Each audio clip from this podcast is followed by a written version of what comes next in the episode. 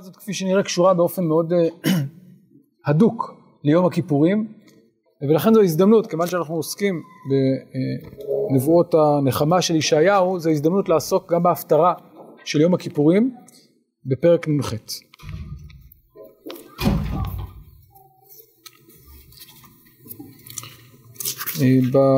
בשיעור הבא אחרי החגים נחזור לרצף הלימוד הסדור שלנו נחזור לפרק מ"א מ"ב ונמשיך את הקו שהתחלנו בו בשיעורים הקודמים היום זה יהיה בעצם סוג של סטייה קטנה מהרצף. טוב אז כאמור פרק נ"ח נקבע בידי חכמים להפטרת יום כיפורים, הפטרת שחרית וכפי שנראה עוד מעט לכאורה הסיבה לזה היא די פשוטה כי צריך הפטרה שמדברת על צום והנה יש לנו הפטרה שמדברת על צום נכון? זה כך פותח הפרק כן נקרא כמה פסוקים ולאחר מכן נעמיק בהם.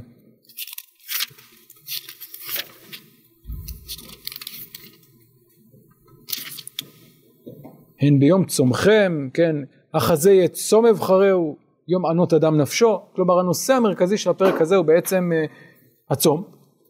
ולכן זה לכאורה מתאים ליום הכיפורים אלא שכבר עכשיו צריך לשאול.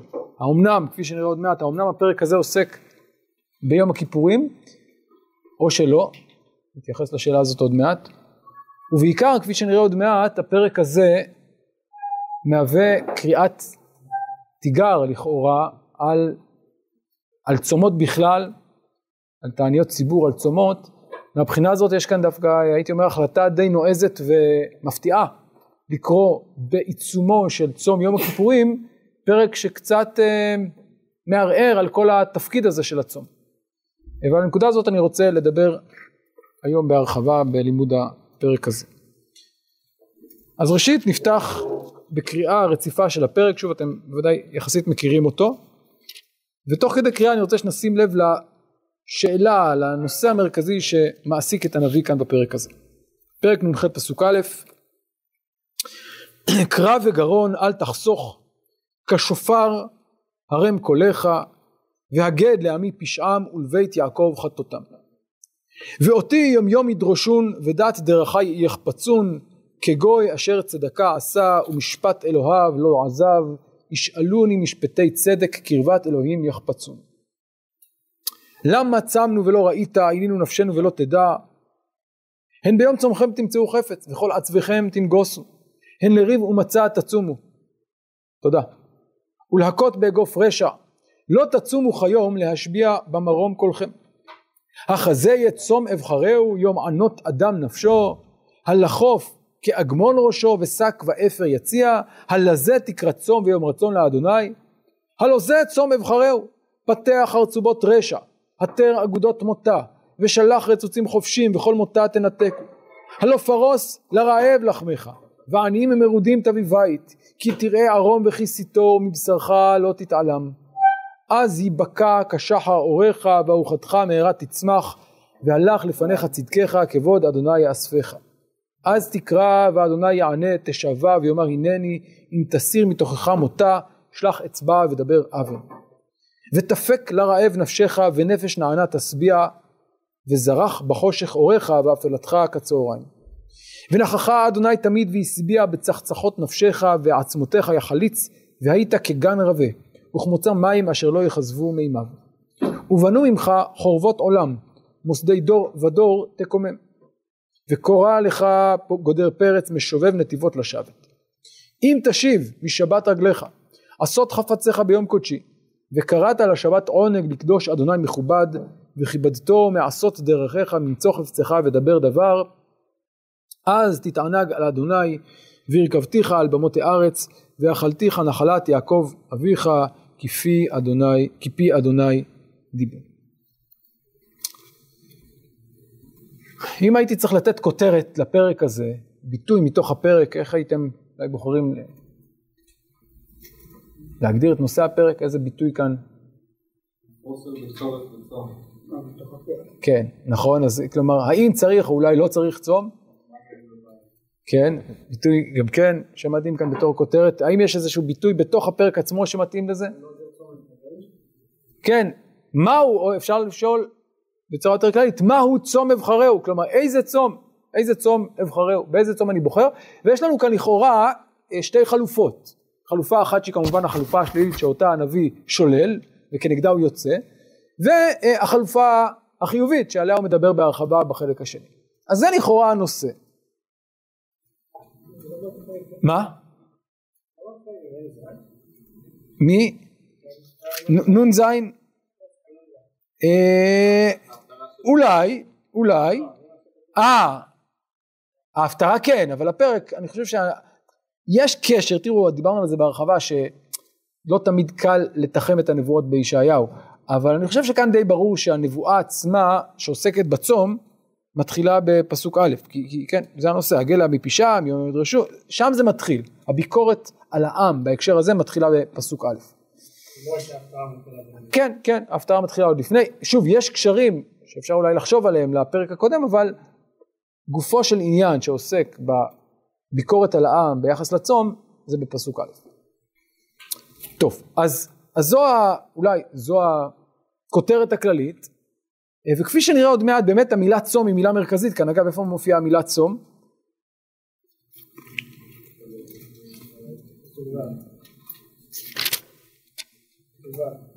עוד לפני, כלומר בכלל השורש, צמנו, תצומו, צומכם, תצומו, צום, צום. עכשיו שימו לב דבר מעניין, הצום מופיע היכן? באיזה חלק של הפרק? עד איזה פסוק מופיע הצום?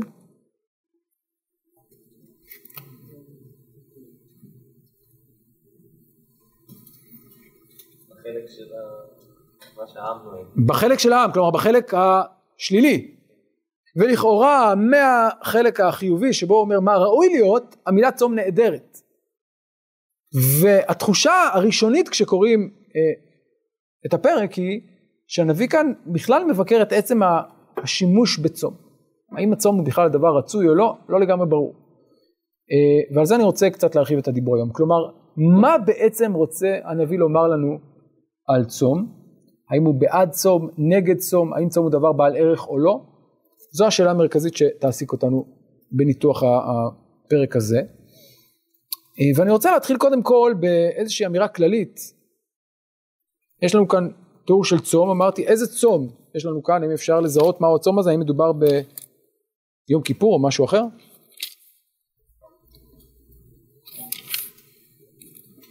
כן, יום כיפור. לא, אבל איזה סוג של צום יש לנו כאן? האם זה יום כיפור או צום מסוג אחר? אני אומר, נראה שבסוף הוא מדבר על יום כיפור בגלל מה שהוא מדבר על... על שבת. טוב, אז שבת זה באמת קשר מעניין ליום כיפור, זה נכון, אבל בואו נחזור רגע להתחלה. מה? או, שופר, זה אולי עוד חיבור ליום כיפור, למרות שביום כיפור לא תוקעים בשופר בדרך כלל, חוץ מ... בסוף, כן, ביובל. או, יש כאן קשר מעניין ליובל, זה גם מעניין, הנושא של השלח רצוצים, נכון, זה גם מעניין. אז יש כאן כמה רמזים שאולי קושרים אותנו ליום כיפורים, זה שבת, נכון, העיסוק בשבת.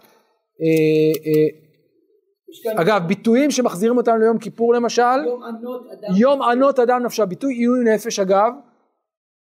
איפה הוא מופיע? נכון, המילה צום לא מופיעה שם, נכון? המילה צום לא מופיעה בפרשת יום הכיפורים בתורה, מופיע הביטוי עינוי נפש, לענות את הנפש, וגם כאן עינוי נפש. יש לנו כאן גם וידוי ואיסור מלאכה, דרור, אז יש כאן כמה רמזים שקושרים את הצום הזה ליום כיפור, אבל מאידך אפשר אולי להציע אפשרות אחרת, שזה לא מדבר על יום כיפור. מה אולי רומז לכיוון הזה, שמדובר כאן על צום אחר? מדוע הם צמים? שימו לב, פסוק ג' למה צמנו ולא ראית, עינינו נפשנו ולא תדע, כלומר מה הם מצפים שיקרה? שתהיה איזה היענות. זה לא בדיוק מה שקורה ביום כיפור, נכון? יום כיפור זה לא צום שנועד לקבל איזושהי היענות מסוימת בגלל צרה, אז בהחלט יכול להיות שעל מה מדובר כאן? תענית ציבור, מה? נכון, לא, אני אומר, ברור שרוצים היענות במובן הזה שתשובתנו התקבלה, שהתכפרו עוונותינו, אבל אין תשובה או אין היענות במובן הזה שיש לנו איזה צרה מסוימת שאנחנו רוצים אה, שתתייחס אלינו, תושיע אלינו, כן? למה צמנו ולא ראית, עינינו נפשנו ולא תדע? התחושה היא שהם מצפים שיקרה משהו. ולכן בהחלט יכול להיות שלא מדובר כאן על צום של יום הכיפורים, אלא תענית ציבור. למה תענית ציבור? צרה כזאת או אחרת. יש הרבה צרות, כל מסכת תענית מדברת על צרות שונות שבגללם אה, מתענים, אם זה בגלל אה, בצורת או בעיות אחרות, מלחמה ועוד ועוד. דבר שאפשר כן. לחזק את הכיוון הזה, כן. זה אזכור של שק, שק ואפר, אנחנו מכירים גם בנלווה אצל יונה. יפה, יפה, או, מצוין. מצוין. השק ואפר לכאורה שוב מחזק את הכיוון שמדובר על תענית ציבור, שיש איזו צרה, שבשבילה אנחנו, אגב, גם במשנה, נכון? יוצאים לרחובה של עיר, כלומר יש כאן איזה יסוד של אבל שלא נמצא ביום כיפור. ולכן שוב זה מחזק את האפשרות שמדובר כאן על צום מסוג אחר, אבל יש כאן כאמור גם רמזים ליום הכיפורים. בין כך ובין כך, הנביא כאן מבקר את האופן שבו הם מתייחסים או מפרשים את משמעות הצום. ואני רוצה כאמור לברר את הדבר הזה. על פניו, כפי שנראה עוד מעט, הביקורת כאן היא ביקורת שמזכירה לנו ביקורות של נביאים. למשל, אם נחזור לתחילת ספר ישעיהו, ביקורת על עבודת הקורבנות, נכון? מול המוסר, כן? נחזור רגע לפרק א' בישעיהו.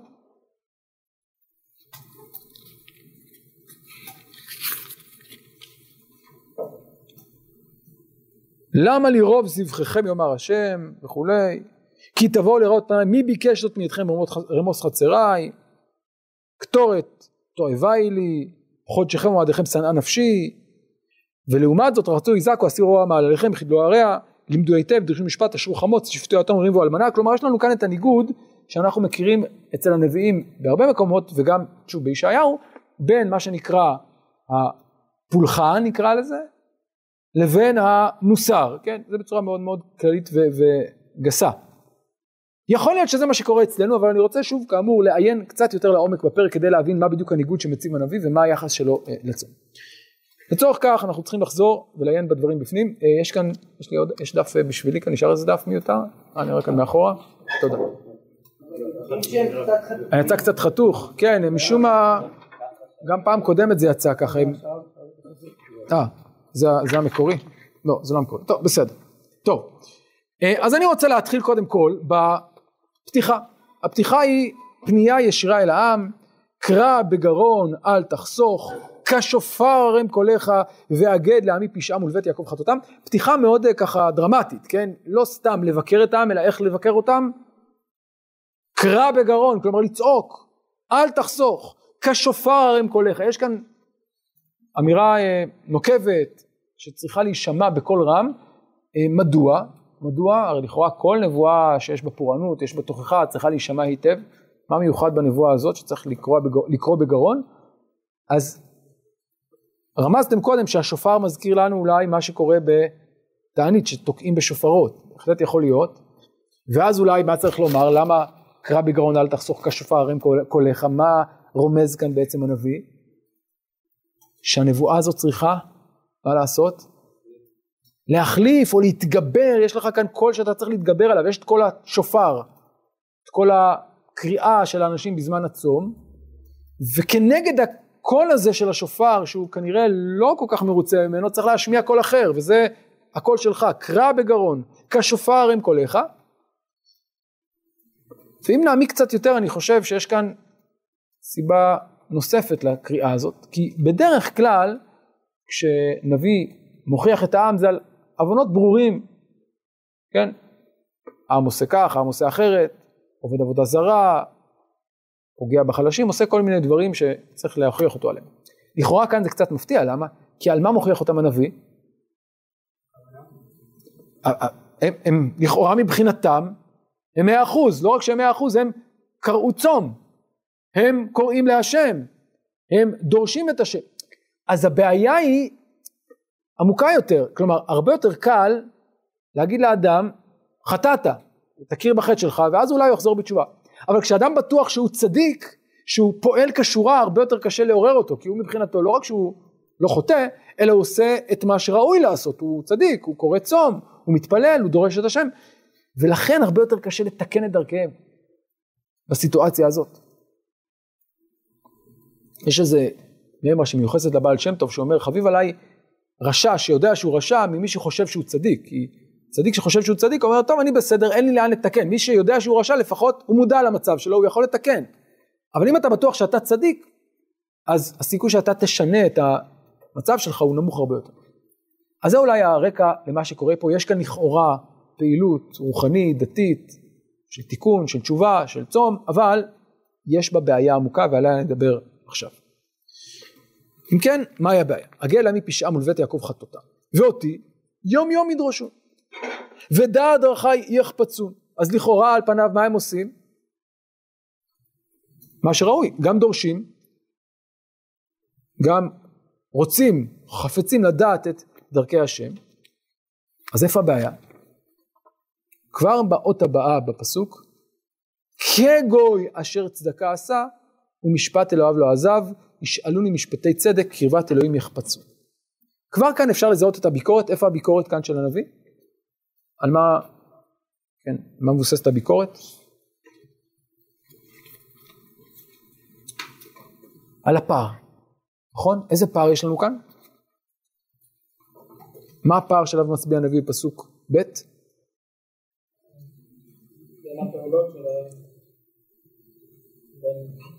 הם דורשים ומחפשים וחפצים בדעת השם, אבל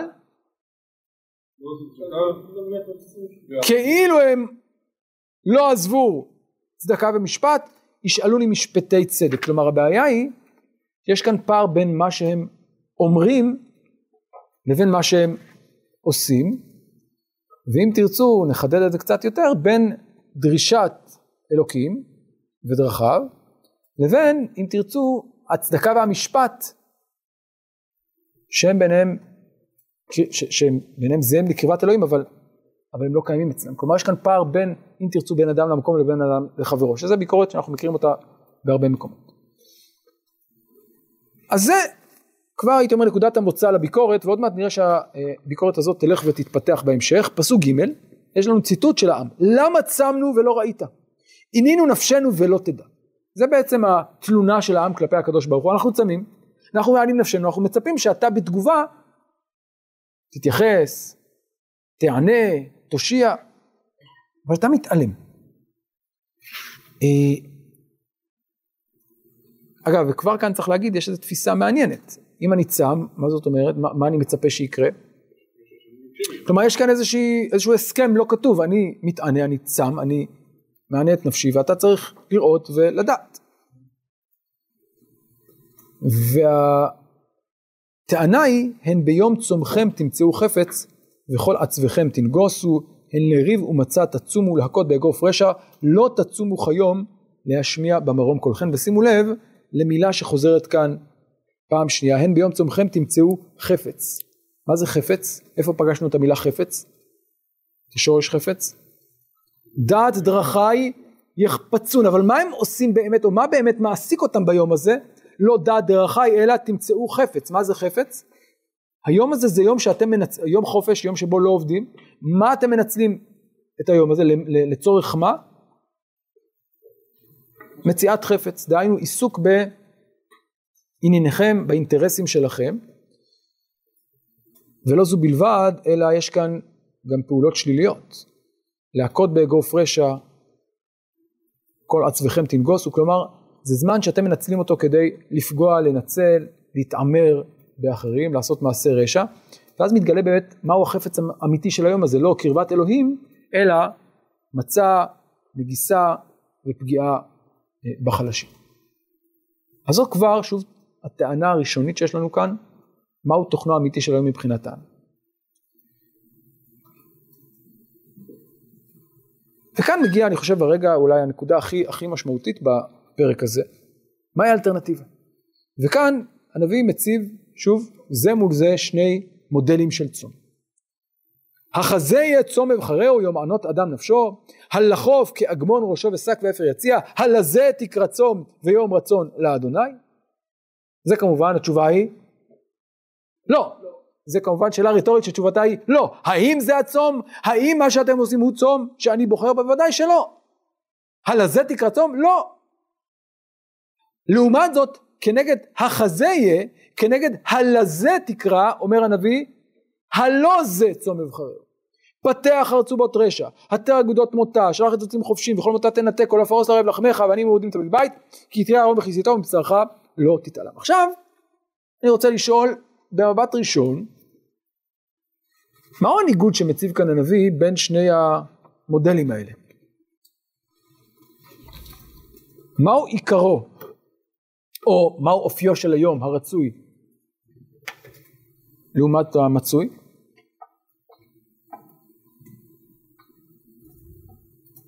מה מאפיין את הצום הרצוי ומה מאפיין את הצום המצוי? מה, במה ההתעסקות? כלומר, מה זה הצום המצוי? במה הוא אה, מתעסק? מה? ענות. מה עוד? לחרוף כהגמון ושק ואפר. מה משותף לכל שלושת הדברים הללו? פעולות, אקטים חיצוניים של צער, של אבלות, אוקיי. זה לא, אז מה כן?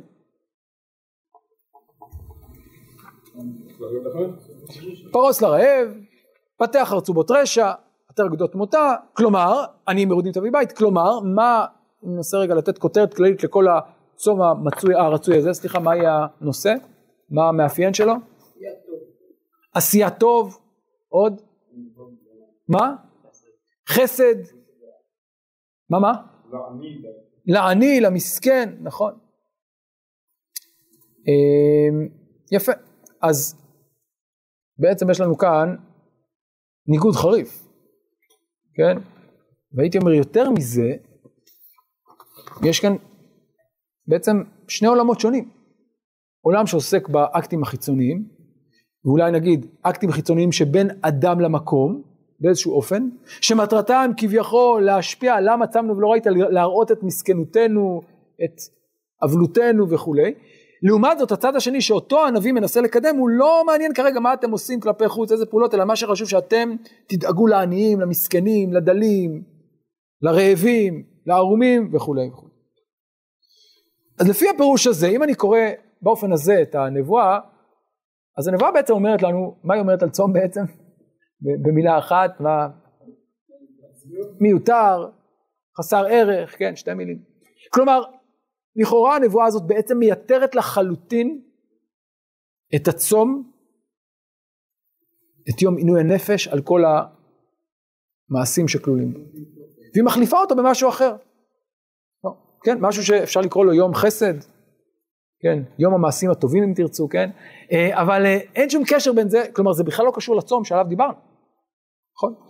לפי הקריאה הזאת בעצם הנביא מעמיד כאן חלופה קיצונית, שונה לחלוטין מהצום המצוי, לפי זה אולי אפילו לא צריך לקרוא לזה צום, נכון? זה פשוט יום אחר.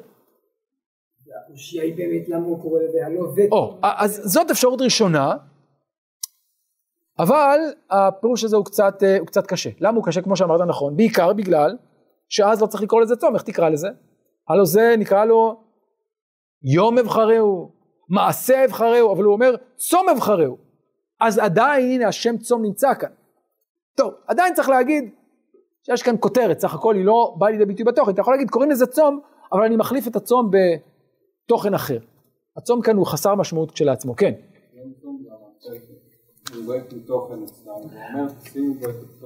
אבל, אבל השאלה שאני שואל היא מה המשמעות של היותו יום צום?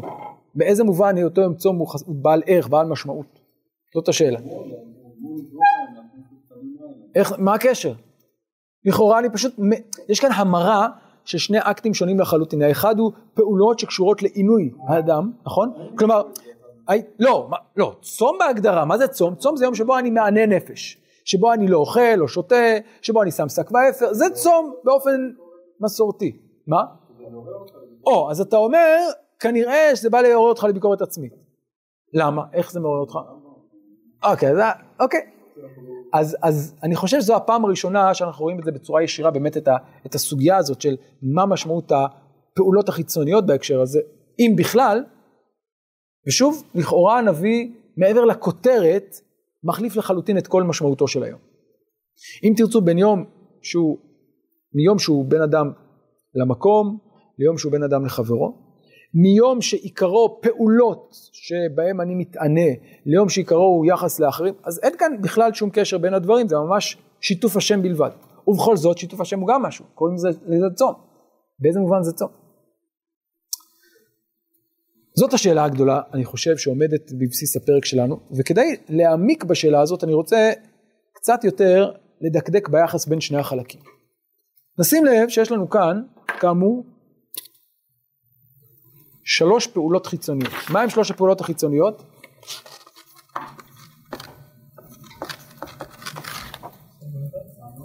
ענות, אדם. מה עוד? לחוף. ושק האפר יציע. מה יש לנו בצום המצוי? אה, בצום הרצוי, סליחה? פתח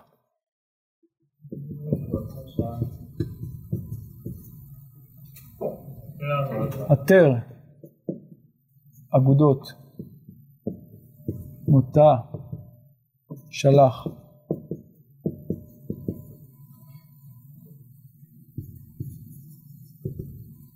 מה עוד? פרוס לרעב חמך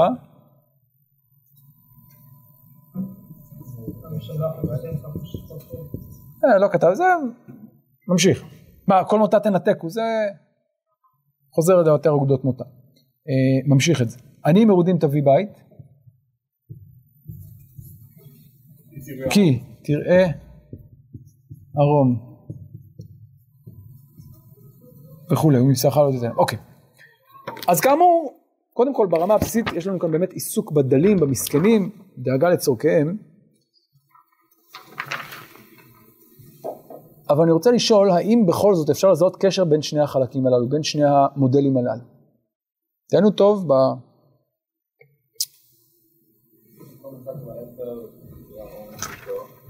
או, שימו לב, יש לנו כאן בעצם בגדים, שק ואפר יציע זה בגדים. גם כאן יש לנו בגדים, כי תראה ארון וכיסיתו זה בגדים, נכון? אז יש לנו כאן השוואה אחת. מה עוד? ענות אדם נפשו, למה הוא מקביל? פרוס לרעב לחמך.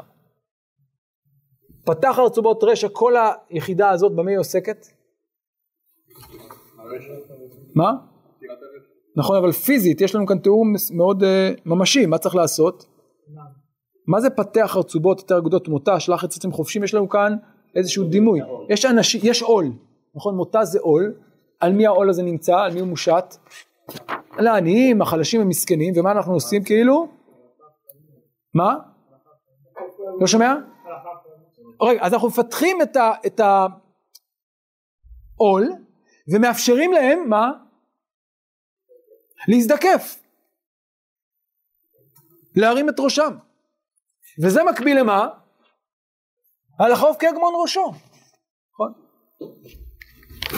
אז אפשר לומר שיש כאן קשר פנימי בין שלוש הפעולות הללו, שהן מופנות כלפי הדל, המסכן, העני, לבין שלוש הפעולות החיצוניות הללו. אבל על פניו מדובר כאן לכאורה בניגוד. כלומר, שלוש פעולות שקשורות לאדם, שלוש פעולות שקשורות לעני, שלוש פעולות שהן אקטים חיצוניים, שלוש פעולות שהן אקטים מוסריים. האם בכל זאת כן? כן. מה? כן.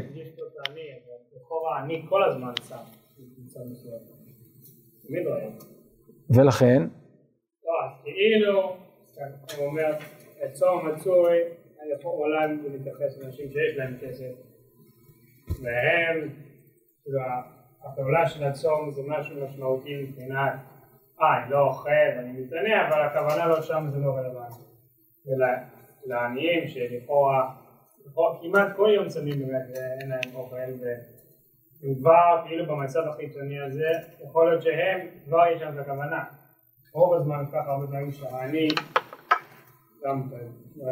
אוקיי, אז אני לא יודע אם זה בדיוק מה שאתה מתכוון, אני אגיד את הכיוון שאני חושב עליו, זה קרוב למה שאתה טוען, לא יודע בדיוק אותו כיוון, אבל אני רוצה להציע הצעה אה, כזאת. לא מדובר כאן בניגוד, כפי שהצענו מקודם, בשתי חלופות שמוציאות זו את זו, אלא בהענקת משמעות חדשה לפעולות הללו. מה אני מתכוון? לאור התיאור הזה של צום אבחרהו, אני חושב שהנביא לא מבטל את כל מה שנאמר כאן, אלא הוא מעניק לזה פרשנות חדשה. מה זאת אומרת? כשאדם עושה את שלוש הפעולות הללו, אפשר לפרש, הרי יש כאן פעולות, יש כאן אקטים. את האקטים הללו אפשר לפרש בשתי דרכים שונות לגמרי, הרי זה אקטים, זה פעולות, אתה לא אומר משהו, אתה עושה. מה משמעות המעשה? זו שאלה גדולה. ואפשר להעניק שתי משמעויות הפוכות לגמרי למעשה. אפשרות אחת, כפי שאומר העם, למה לעשות את זה? למה הם מענים את נפשם, שק ואפר וכופפים כהגמון ראשם? כדי ש... למה שהוא יענה להם? למה שהוא יענה להם? כי אנחנו סובלים, כי אנחנו מסכנים. תראה כמה מסכנים אנחנו ותרחם עליהם. אגב, רעיון מאוד דומה מופיע בספר יונה, שאגב, יש כמה ביטויים מאוד דומים בין תיאור הצום שם לתיאור הצום כאן. בואו נפתח רגע בספר יונה, למרות ששם יש גם תשובה. אבל אני רוצה שתשימו לב לתיאור, וכבר חז"ל ביקרו את אנשי ננבי על התשובה הזאת, אבל זה, זה דבר מאוד מעניין. הם, הם כזכור, קודם כל מטענים, נכון, ושק ואפר והכל. אני קורא בפרק ג', כתוב, ויקראו צום וילבשו שקים, וגם מלך ננבה, האדם והבהמה, הבקר והצאן, אל יטמאו מאומה, אל יראו מים אל ישתו, ויתכסו שקים האדם והבהמה ויקראו אלוהים בחוזקה, אז יש גם וישוב איש מדרכו הרע, אבל הגמרא אומרת דבר מאוד מעניין שם, לפי אחת השיטות, יש מחלוקת בזה, האם זה היה תשובה אמיתית או תשובה של רמיות, אבל לפי התשובה, הפירוש שזה תשובה של רמיות, יש כאן סוג של איזה מניפולציה, מה זאת אומרת? למה אני גורם לבהמות לצעוק? כי בעצם אני אומר, תראה איזה מסכנות הן, זה בגללך, אם תרחם עלינו אנחנו נרחם עליהם, כן, זה איזושהי אמירה כזאת של אנחנו מפעילים עליך לחץ, תראה כמה מסכנים אנחנו ואולי תרחם עלינו, יש כאן סוג של מניפולציה על הקדוש ברוך הוא, שזו תפיסה אגב שהיא קצת מתאימה לעולמות אה, אליליים, כן, אנחנו מפעילים עליך איזושהי מניפולציה, תראה כמה מסכנים אנחנו, תרחם עלינו וכולי, למה צמנו ולא ראית, זה פירוש אחד לכל הסיפור הזה של עינוי נפש, אבל אומר להם הנביא, זה פרשנות שגויה. אני לא חולק על זה שזה מה שצריך לעשות, זה כתוב. אבל הפרשנות שאתם מעניקים לאקטים האלה היא שגויה. מהי הפרשנות הנכונה והאמיתית? מה זאת אומרת? כשאתם מתענים, מענים את נפשכם, מה המטרה של זה? שכשאתם תראו עניים מרודים, אז מה תעשו? תלמוד, תפרסו להם את לחמכם. הלא פרוס לרעב לחמך, למה? כי ביום יום אתה רואה רעב, מה אתה עושה? אתה חולף על פניו. אבל ביום הזה אתה, שאדם עשיר ושבע ומסודר, ביום הזה אתה קצת עני. אתה קצת רעב. אתה יכול להזדהות עם חולשתו, עם מסכנותו של הרעב, ואז מה זה יביא אותך? פרוס לרעב, להזדהות עם הרעב. הלחוב כהגמון ראשו זה קצת לועג להם, מה אתם חושבים שתעשו ככה הצגות, תורידו את הראש, תגידו כמה מסכנים אנחנו, תרחם עלינו? לא. אבל בכל זאת, למה לחוב כהגמון ראשו? לא כדי לעשות מניפולציה לקדוש ברוך הוא, כדי להראות כמה אתם מסכנים, אלא בשביל מה? שתוכלו להזדהות, יום אחד אתם תלכו כפופים, לא כמו בני חורין, עם ראש זקוף ומורם, אלא כמו העבדים הכפופים שהולכים עם העול על הצוואר, ואז פתאום תראו את העבדים שלכם עם העול, ואולי תזדהו איתם. פתח, כן, עטה אגודות מותה, שלח את זוצים חופשיים. זה ייתן לכם את האפשרות להזדהות עם הסבל והמצוקה, אפילו יום אחד. ואז תעשו מעשה מוסרי של שחרור, של יחס חיובי, של פתח, כן, החרצובות וכו'. כשאתם מציעים שק ואפר, שוב, זה לא רק כדי שהוא יראה למה צמנו ולא ראית, לא רק כדי לעשות איזו הפגנה של כמה מסכנים אנחנו, אלא כדי שיום אחד תצאו מאזור הנוחות שלכם, מהחליפה המחויטת, מהבגדים הנוחים והנעימים והנקיים והמסודרים עם ריח המרכך, ותלבשו משהו קצת פחות נעים, קצת מגרד, קצת מלוכלך, קצת פחות מחויט. ואז מה? כי תראה ערום וכיסיתו. למה? כי אתם קצת תצאו מהעולם הנוח שלכם, מהמציאות הנוחה והנעימה שלכם, וקצת תחושו הזדהות עם אותו אדם מסכן. ואז תראה עירום ומה תעשה? תזדהה איתו ואז כי תראה ארון וכיסיתו. מבשרך לא תתעלם. במילים אחרות, אז אני רוצה לומר שהטענה היא, או הטענה היסודית של הנביא, שהצום לא נועד לעשות איזושהי הצגה או איזושהי מניפולציה כלפי שמיא, אלא הוא נועד לשנות אותך ביום הזה, לפתח את הרגישות שלך כלפי הזולת, כלפי הסביבה, כלפי המסכנים, וממילא לסייע להם.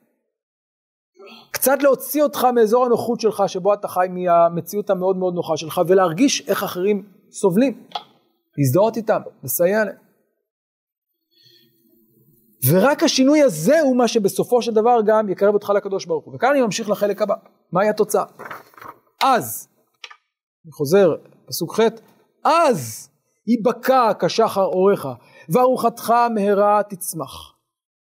והלך לפניך צדקך, כבוד השם יאספך, אז תקרא והשם יענה, תשבע ויאמר הנני. כלומר, אתם קודם אמרתם, למה צמנו ולא ראית, עינינו נפשנו ולא תדע, אז אם תעשו את זה, תקרא והשם יענה. תשבע ויאמר הנני. למה? למה אז הוא יענה לך?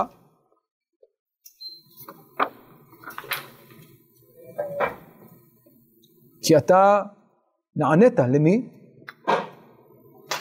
לעניים, לרעבים, למסכנים.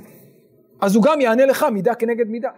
לא כי אתה הפגנת את מסכנותך, אלא כי אתה פיתחת את רגישותך, נענית לאחרים. אה, אז זה התיקון, וזה הייתי אומר התיקון במובן, ה, ה, ה, ה, אני חוזר רגע למה שדיברנו בזמנו, על ישעיהו כמי שמתפלמס עם התפיסות האליליות. אני חושב שגם כאן יש מעין פולמוס עם תפיסה אלילית. התפיסה האלילית אומרת, האדם בפעולותיו, בדרכים כאלה ואחרות, משפיע על האל. אם זה באמצעות מגיה, כישוף, לחשים, אקטים כאלה ואחרים, אתה בעצם עושה מניפולציה על האל בדרכים כאלה ואחרות, זו התפיסה האלילית. אומר לנו הנביא, לא, אל תחשבו שזה מטרת הצום, להפגין מסכנות ולעשות איזושהי מניפולציה, לא. מטרת הצום, מטרת כל האקטים האלה היא לשנות אותך מבחינה מוסרית, וממילא אז השם יענה לך, לא כי אתה עשית עליו מניפולציה, כי מידה כנגד מידה, אתה היית קשוב, נענית לאחרים, הוא יענה לך. זמננו קצת מתקצר, אז אני טיפה רץ קדימה.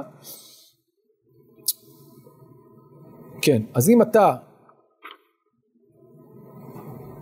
כן, כי תראה ערום וכיסיתו, שאלנו למה צמנו ולא ראית, אבל אם אתה תראה ערום, ואם אתה תענה לו, אז הוא יראה אותך. אז תקרא והשם יענה, תשבע ויאמר הנני. ויש לנו כאן גם דימוי מעניין שעוד מעט נחזור אליו, אז ייבקע כשחר אורך. יש לנו כאן דימוי של הפצעה של אור ראשון, נכון? וזה אולי גם מלמד אותנו על המצב, הם נמצאים באיזושהי מצוקה, רוצים ישועה, אם תעשו את זה אז האור שלך, כלומר ישועה, תבקע, ארוחתך רפואה מהרה תצמח, ועלה לפניך צדקך וכולי וכולי. אוקיי. אז במילים אחרות רק השינוי הפנימי הוא זה שייצר את הקרבה, קרבת אלוהים, אה, אה, שאותה אתם מבקשים. וכאן אני ממשיך לפסקה הבאה, ולכאורה הפסקה הבאה כופלת את הפסקה שלפניה. אני קורא שוב, אם תסיר מתוכך מותה, שלח אצבע ודבר אבן, ותפק לרעב נפשך ונפש נענה תשביע, וזרח בחוש אורך ואפלתך כצהריים. ונכחה השם תמיד והשביע בצחצחות נפשך ועצמותיך יחליץ והיית כגן רבה וכמוצא מים אשר לא יחזבו ממה וכולי וכולי. שימו לב שיש לנו כאן מעין הכפלה, יש לנו כאן שוב אם תעשה כך אז יקרה כך. וזה אותם דברים, שוב, תתייחס לעניים, תפק לרב נפשך וכולי. מה משתנה בפסקה השנייה? מי יכול אולי לזהות הבדלים שיש לנו כאן בין הפסקה הזו לפסקה שלפניה? מה משתנה כאן? בואו נתחיל קודם כל לפעולה האנושית. האם יש כאן שינוי בפעולה האנושית? אם תסיר מתוכך מותה, שלח אצבע ודבר אבן. זה מזכיר את מה שראינו כאן, אבל יש כאן שינוי. מתחילים לעסוק בעצמם. מה זאת אומרת? אבל כבר ראינו, ראינו עטר אגודות מותה, אז מה השתנה? לא, מה? כאילו או, יש לנו כאן התקדמות, כלומר, אז זה היה אולי משהו חד פעמי. כלומר, היום הזה הוא יום ש... בעקבות הרגישות הזאת אני היום עושה הנחה למסכן ומתיר את האגודות. אבל האם אני מבטל לגמרי? לא. זה התר. כאן אני עובר מהתר להסר. מהתרה של האגודה להסרה מוחלטת מתוכך. שלח אצבע ודבר בין כל ההאשמה, הפגיעה. ושוב, פסוק י', מה משתנה כאן? מה נוסף כאן? אז ותפק לערב זה מזכיר לנו את פרוס לרעב לחמך. מה השתנה כאן? מה נוסף כאן? מה ההבדל בין פרוס לרעב לחמך לבין... אז קודם כל תשביע, נכון, לא רק תפרוס מלחמך, אלא גם תשביע. מה עוד? שימו לב, מה זה ותפק לרעב נפשך? מה ההבדל בין פרוס לרעב לחמך לבין ותפק לרעב נפשך? מה? יותר מרק אוכל, מה אתה מוציא, מה אתה מוציא, מה אתה נותן לו? את נפשך, את עצמך, כלומר, זה לא שאתה זורק לו ככה לכובע איזשהו אה, מטבע והולך, אלא יש כאן משהו הרבה יותר עמוק, יש כאן אה, קרבה שאולי קשורה לעינוי הנפש הזה, אתה יותר מזדהה אתה מבין את סבלו, אבל זה לא רק רעב, זה באופן כללי, אדם מסכן, אתה מזדהה עם הסבל, אתה נותן לו גם את נפשך, את ההזדהות שלך, ולפעמים זה לא פחות חשוב מאשר הכסף שלך, אולי יותר. אה, אז אם כן, קודם דובר על פעולה חד פעמית, התרה, פרוס לרעב, כאן זה משהו הרבה יותר עמוק, זה הופך להיות ממשהו חד פעמי למשהו מתמשך, להסיר את האגודות, להוציא לרעב נפשך, ונפש נענה תשביע, לא רק לתת לו פרוסה אלא באופן עקבי, להשביע את הנפש הנענה, ואולי יש לנו כאן גם איזה משחק מילים, אם נפש נענה תשביע, אז אולי מה יקרה? אז תקרא והשם יענה. וזרח בחושך אורך ואפלתך כצהריים. שימו לב, מה השתנה כאן? ראינו את הדימוי הזה גם בפסוק ח', אבל מה משתנה בין פסוק ח' לבין פסוק י'? מה? שם, שם זה היה אור שחר, כלומר כמו שוב הניצוץ של האור הראשון, נכון? מה יש לנו בפסוק י'? וזרח בחושך, בשיא החושך האור יזרח. ואפלתך כצהריים זה הרבה יותר דרמטי, זה הייתי אומר כמעט על טבעי, וגם הרבה יותר מתמיד, זה לא שיש לך נצנוץ של אור, זה משהו שהוא הרבה יותר חזק, הרבה יותר מתמשך, אור שזורח בחושך, כביכול אין כבר אפלה בכלל, אפלה כאן כדימוי לצרה, למצוקה, נעלמת לחלוטין, וזה קשור לעובדה שאתה באופן עקבי ומתמשך, הופך את המצב הזה לא רק לרגישות נקודתית, אלא למצב מוסרי קבוע, לרגישות מוסרית קבועה, בעקבות היום הזה. כלומר זה יום שלא רק משנה באופן נקודתי, אלא הוא אמור לייצר שינוי יותר מעמיק ומתמשך. ונכחה השם תמיד, והשביע בצחצחות נפשך בעצמותיך יחליץ. מה יש לנו כאן? שוב, תמידיות. נכחה, נחייה תמידית, והשביע בצחצחות נפשך. כנגד מה? נפש נענה תשביע, אז מה אני אעשה? אומר הקדוש ברוך הוא, אני אשביע את נפשך. אם אתה תפק לרעב נפשך, אני אשביע בצחצחות נפשך. והיית כגן רבה, יש לנו כאן דימוי חדש, מדימוי האור לדימוי המים, גן רבה ומוצא מים אשר לא יחזבו מימיו, יש לנו כאן שוב איזושהי נביאה, אדם הופך להיות מקור של חיות, של נביאה. ובנו ממך חורבות עולם, מוסדי דור ודור, ודור תקומם, וקורא לך גודר פרץ, משובב נתיבות לשבת. אז כביכול אתה הופך להיות מקור חיים, מקור של שיקום של החיים, ואפילו חורבות עולם, מקומות שהם חרבים, מה יקרה להם? ייבנו. ויקראו לך, אתה תהיה זה שגודר את הפרצות, שבונה מחדש. וכאן אולי, אני חוזר למה שאנחנו עוסקים בו בפרקים הללו, כאן אולי מהדהד הרקע ההיסטורי. כזכור, אנחנו באיזה תקופה? שיבת ציון. שיבת ציון. ככל הנראה הרקע הזה משתקף כאן בנבואה, מצב שבו יש גם פערים בין מעמדות מאוד חזק שם בתקופת שיבת ציון, גם כנראה הרבה צומות בגלל צרות שיש לנו, וגם, וזה העיקר, חורבות עולם שצריך לקומם. כיצד נקומם את חורבות העולם? לא מספיק שנעלה לארץ ונבנה אותה. מה צריך לעשות כדי אה, לקומם מוסדי דור ודור? כדי לבנות חורבות עולם, לייצר שינוי חברתי מוסרי עמוק. זה מה שאומר להם הנביא, בימי שיבת ציון. לא מספיק לעלות ולבנות את חומות ירושלים, צריך קודם כל לבנות אותנו כחברה מוסרית, רגישה, אכפתית, ואז נבנה את החורבות. אז נקים מחדש את העם היהודי בארצו. וקורא לך גודר פרץ, משובב נתיבות לשבת. ואז יוצא שהיום הזה יכול להיות יום שהוא לא רק נקודה אחת בזמן, אלא היא מעין, הייתי אומר, איזה נקודת משען שמרימה את כל המציאות החברתית ומשנה אותה מן היסוד, בעקבות אותה, אותו פתח של רגישות, שאדם יוצא מגבולות uh, חייו הנינוחים והאטומים אל האחר, אל הזולת, ואז פתאום המציאות כולה משתנה. ממילא הקדוש ברוך הוא מאיר לו את פניו, גם הוא. אם אתה נענה לאחרים, לנפש נענה, גם הקדוש ברוך הוא יענה לך. עד כאן הנבואה על הצום. ואם כן, נסכם ונאמר שהנבואה הזאת לא מבטלת את הצום, אלא מעניקה לו משמעות פנימית חדשה, ומעניקה לאקטים החיצוניים משמעות מוסרית רחבה. וכאן מגיעה אולי החידה השנייה בפרק הזה. לכאורה כאן מסתיים הסיפור, אבל יש לנו עוד פסקה.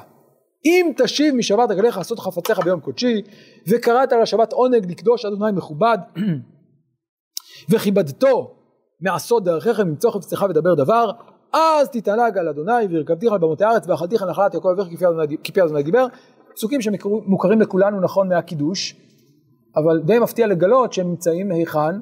בנבואה שעוסקת בצום, כן, מה הקשר? אז לכאורה היה אפשר לומר, אולי, מה? קודם כל אולי זה לא חלק מהנבואה. זה נצמח, אבל זה לא חלק מהנבואה. לדעתי זה לא נכון. כלומר, אפשר להראות שהפסקה הזאת היא חלק מהנבואה. איך אני יודע?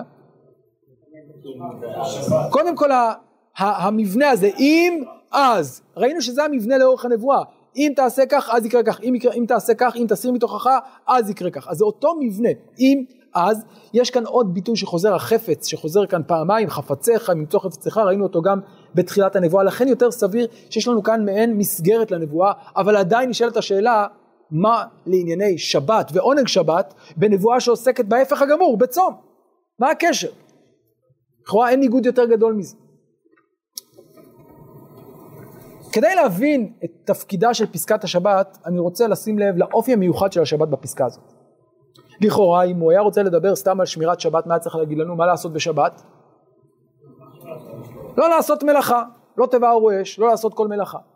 נשים לב שהאופי של השבת בפסוקים האלה הוא אופי שונה לגמרי ממה שמכירים בתורה, נכון? מה מודגש בפסוקים האלה ביחס לשבת? עשות חפציך ביום קודשי, כלומר דבר ראשון להימנע מלעשות את רצונך, את האינטרסים שלך בשבת, זה דבר ראשון. מה עוד? כן? מעשות דרכיך וכולי, לאו דווקא בהקשר של מלאכה, בכלל לעשות את ענייניך. מה עוד מאפיין את השבת של ישעיהו? מה? לכבד, באיזה מובן? כן, כלומר לכבד ולענג את השבת. בסוגריים אני אגיד שבאמת הפסוקים האלה היו מקור לאופי של השבת שאנחנו מכירים היום. בואו נקרא רגע את הרמב"ם, מופיע לכם בסוף העמוד, למי שזה מופיע. אה, יש דברים שהם אסורים בשבת, אף על פי שאינם דומים למלאכה, ואינם מביאים מידי מלאכה, כלומר לא לומדים אותם מאיסורי מלאכה בתורה. אז מאיפה לומדים אותם? מפני מה נאסרו? משום שנאמר, אם תשיב משבת רגליך לעשות חפציך ביום קודשי, ונאמר, וכיבדתו מעשות דרכיך. לפיכך אסור לאדם להלך בחפציו בשבת ואפילו לדבר בהם כגון שידבר עם שותפו מה ימכור למחר או מה יקנה או איך יבנה בית זה ובאיזו סחורה ילך למקום פלוני. כל זה וכיוצא בו אסור שנאמר ודבר דבר. דיבור אסור יהיו מותר. אסור לאדם לפקוד גינותיו ושדותיו בשבת הוא לא עשה שום דבר הוא רק פוקד רק בודק. לא אסור. למה? כי אתה עוסק בחפציך גם אם אין כאן שום זכר למלאכה. ושוב הצד השני שנזכר כאן זה העונג והכיבוד של השבת שלא נזכר בתורה אה, במפורש האם שני הדגשים הייחודיים הללו של השבת בנבואה שלנו יכולים לפתור את חידת השילוב שלה בענייני הצום? אז בואו נתמקד רגע בלשון חפץ. איפה עוד מצאנו את הלשון חפץ בנבואה? דד הרע יחפצון, אבל מצד שני ביום צומכם תמצאו חפץ. מה הייתה הביקורת על העם ביום הצום? שמה הם עושים עם יום הצום? מה? לוקחים את יום הצום והופכים אותו להיות יום לעצמם. יום, יום שעוסק באינטרסים שלהם, יפה. אה, אז כיצד מושגת הקרבה אל השם? דווקא להפך, בביטול החפץ האישי, האינטרס האישי וביטולו לחפצי שמיים. אותו דבר גם בשבת, גם בשבת אם אתה מבטל את חפציך ומכבד את השבת, אז תתענג על השם וירכבתך. אז זה אולי הרעיון הראשון, ההתבטלות של האדם כלפי רצון השם ביטול חפצי אדם כלפי רצון השם, חפציך מול חפצי שמיים, זה התנאי גם בצום וגם בשבת. אז זה אולי הקישור הראשון בין הדברים. וזה גם מה שמביא לגאולה. אבל אני רוצה להוסיף עוד דבר. יש כאן אולי טענה עמוקה יותר.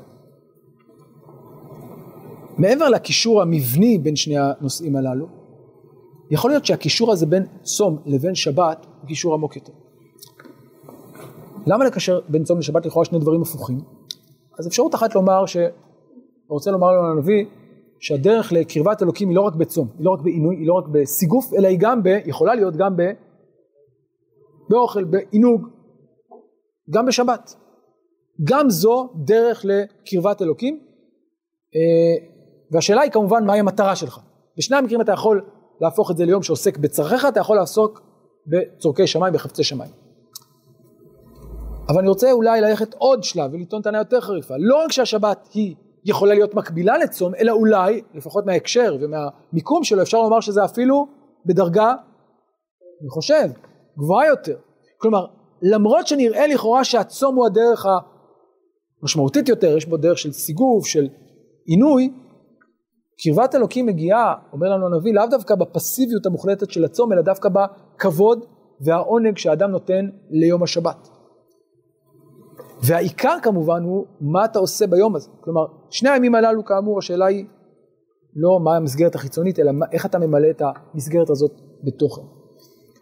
ואם אתה ביום הזה הופך אותו ליום, וזה אולי יותר מורכב, יום שמצד אחד עוסק בעונג ושמחה פיזית, להפוך אותו ליום שעוסק בקדושה, בחפצי שמיים, זה פעולה הרבה יותר קשה, הרבה יותר מורכבת, הרבה יותר, אה, נאמר, יותר מורכבת מאשר להפוך יום עינוי ליום של קרבת אלוקים, אבל היא אולי בדרגה גבוהה יותר, ואם תרצו, זה אולי בבחינת היחס שבין עבודת השם מיראה, שזה בחינת הצום והעינוי, וזה סיגוף, זה קרבת אלוהים מסוג אחד, והיא חשובה.